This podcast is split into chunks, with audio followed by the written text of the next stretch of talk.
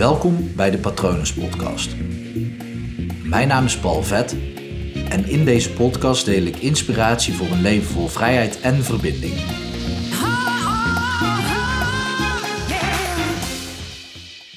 Wat hebben een DJ en een hypnotherapeut met elkaar te maken? Het klinkt echt als een hele, heel slecht begin van een mop.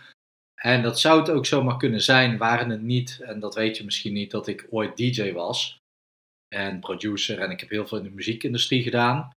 Nooit super bekend geworden, wel, wel eens op 538 platen van mij uh, voorbij horen komen. Of op een aantal radiostations gedraaid, um, zelf dan. En ook uh, echt wel in toffe clubs gedraaid voor uh, een paar duizend man. Dat was wel te gek, maar nooit echt heel groot geworden. maar dat is wel jarenlang mijn passie geweest. Echt een enorme passie was het van me. En ik was daar vandaag een beetje over aan nadenken. Over, oké, maar mijn passie, draaien, dus daar begon het mee, muziek draaien. En ja, wat maakte nou dat ik dat zo tof vond? En ik ging helemaal terug naar het begin, toen ik het net begon te doen. Los van de muziek en de overgang tussen twee platen, want daar werd ik gewoon heel blij van. Um, kan ik me heel goed herinneren dat mensen mij vroeger vroegen van... Oké, maar wat is nou de reden dat jij DJ bent geworden? Waarom wil je dit? En ik had er altijd een heel duidelijk antwoord in. Uh, ook een ander antwoord dan dat mensen verwachten in eerste instantie. Um, het, het, was namelijk zo, muziek, eigenlijk is muziek gewoon een, een tijdreismachine. Want op het moment dat jij een plaat hoort, uit je jeugd, bijvoorbeeld van het moment dat je tien jaar was, en dat was een belangrijke plaat voor je, of je had een mooie herinnering aan die plaat, het moment dat je die plaat dan nu hoort, en er zijn weinig nieuwe herinneringen over die plaat heen geschreven, je hoort die plaat nu opeens, dan word je eigenlijk weer bam in één keer teruggebracht naar dat gevoel van ja, dat moment dat je, ja, waar, waar die plaat aangekoppeld is toen jij tien was. Het kan zelfs zo zijn dat je dan hetzelfde gaat voelen als toen. Misschien zie je zelfs hetzelfde voor je als toen. Ehm, misschien ruik je, sommige mensen kunnen dat blijkbaar, die ruiken dan um, bepaalde geuren die ze toen ook roken of eraan denken. Dat kan fijn zijn of niet fijn. Het ligt er maar net aan wat voor herinnering het is. Maar muziek is een tijdreismachine. En nou wilde ik mensen niet zomaar terugbrengen naar andere periodes. Ik wilde mensen nieuwe herinneringen geven. Ik wilde mensen, um, als ik stond te draaien, leek het mij zo bijzonder dat er, dat er één moment was dat ze dachten: wow, dit is een vette avond. En deze plaat die ze dan hoorden, die ik dan draaide, of misschien een plaat van mezelf, deed hun aan die avond denken. Dat ze nu, misschien als ze dit kijken of luisteren, als jij dit kijkt en luistert en je was er toen bij, dat je dan terug wordt gebracht naar dat ene moment dat er een bepaalde plaat werd gedraaid en dat je daar weer staat.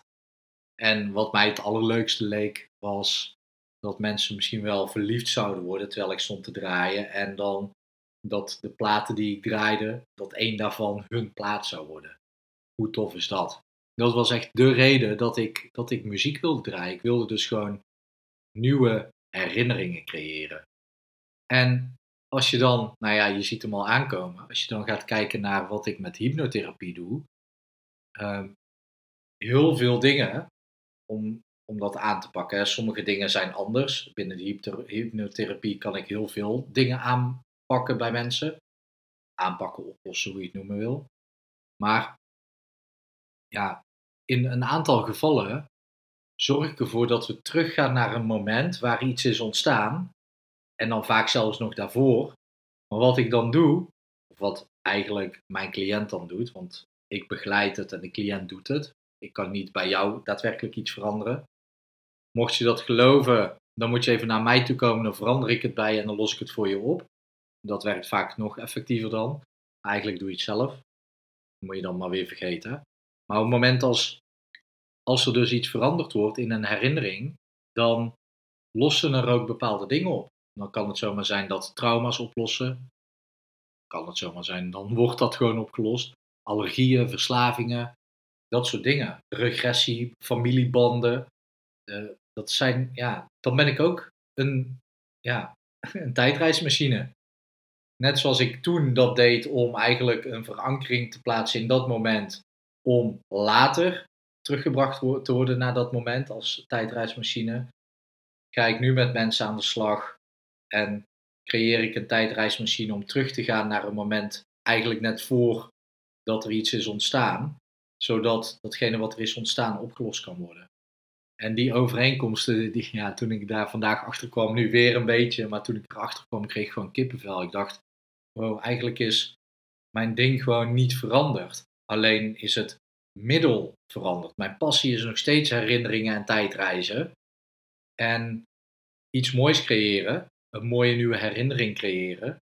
Alleen doe ik het nu met terugwerkende kracht in het verleden en deed ik het in het verleden op dat moment voor de toekomst.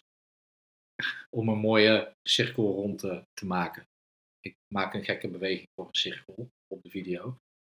Um, maar toen ik daarachter kwam, dacht ik: wow, dit is vet. En ik vroeg me ook af of dat andere mensen dat ook hebben. Ik weet dat uh, bijvoorbeeld Edwin Selei, de eigenaar van het Hypnose Instituut, die de grootste van Europa is dat inmiddels, echt vet. Hij werkte in de bouw en wat hij deed was de, de fundering um, helemaal schoonmaken, reinigen en weer zorgen voor een gedegen fundering. Hij doet nog steeds hetzelfde. Hij zorgt ook voor een gedegen fundering, alleen niet meer van huizen, maar van mensen. En ik vraag me dan af of dat jij dat misschien niet ook doet in jouw baan. Dat je misschien ooit een passie had en dat je denkt dat je die misschien hebt opgegeven, of dat die nog steeds wel actief is, maar dat je niet het idee hebt dat je dat in je dagelijks leven vaak doet of dat dat in je werk zit. Misschien kom je er dan achter dat het misschien op een andere manier wel ook in je werk zit. Ik ben benieuwd. Ik, uh, ik zou het leuk vinden om iets van je te horen als je zoiets hebt. Laat het me weten via patronen.palvet.com. En ja, mocht je zo'n tijdreismachine in willen stappen om iets op te lossen, moet je even naar www.palvet.com gaan. Tenminste, moet niet, want als je, als je dat wil oplossen, is dat wel de makkelijkste manier om ook in contact met mij te komen. En ik zou, zou het leuk vinden als je me volgt op YouTube, ehm, Instagram ben ik vrij actief. Even inschrijven op mijn mailinglist, op uh, Spotify volgen, Soundcloud, wherever. Ehm, en doe je het niet, ook helemaal goed. ik hoop dat het goed met je gaat en ik wens je nog een hele mooie dag toe. Bye.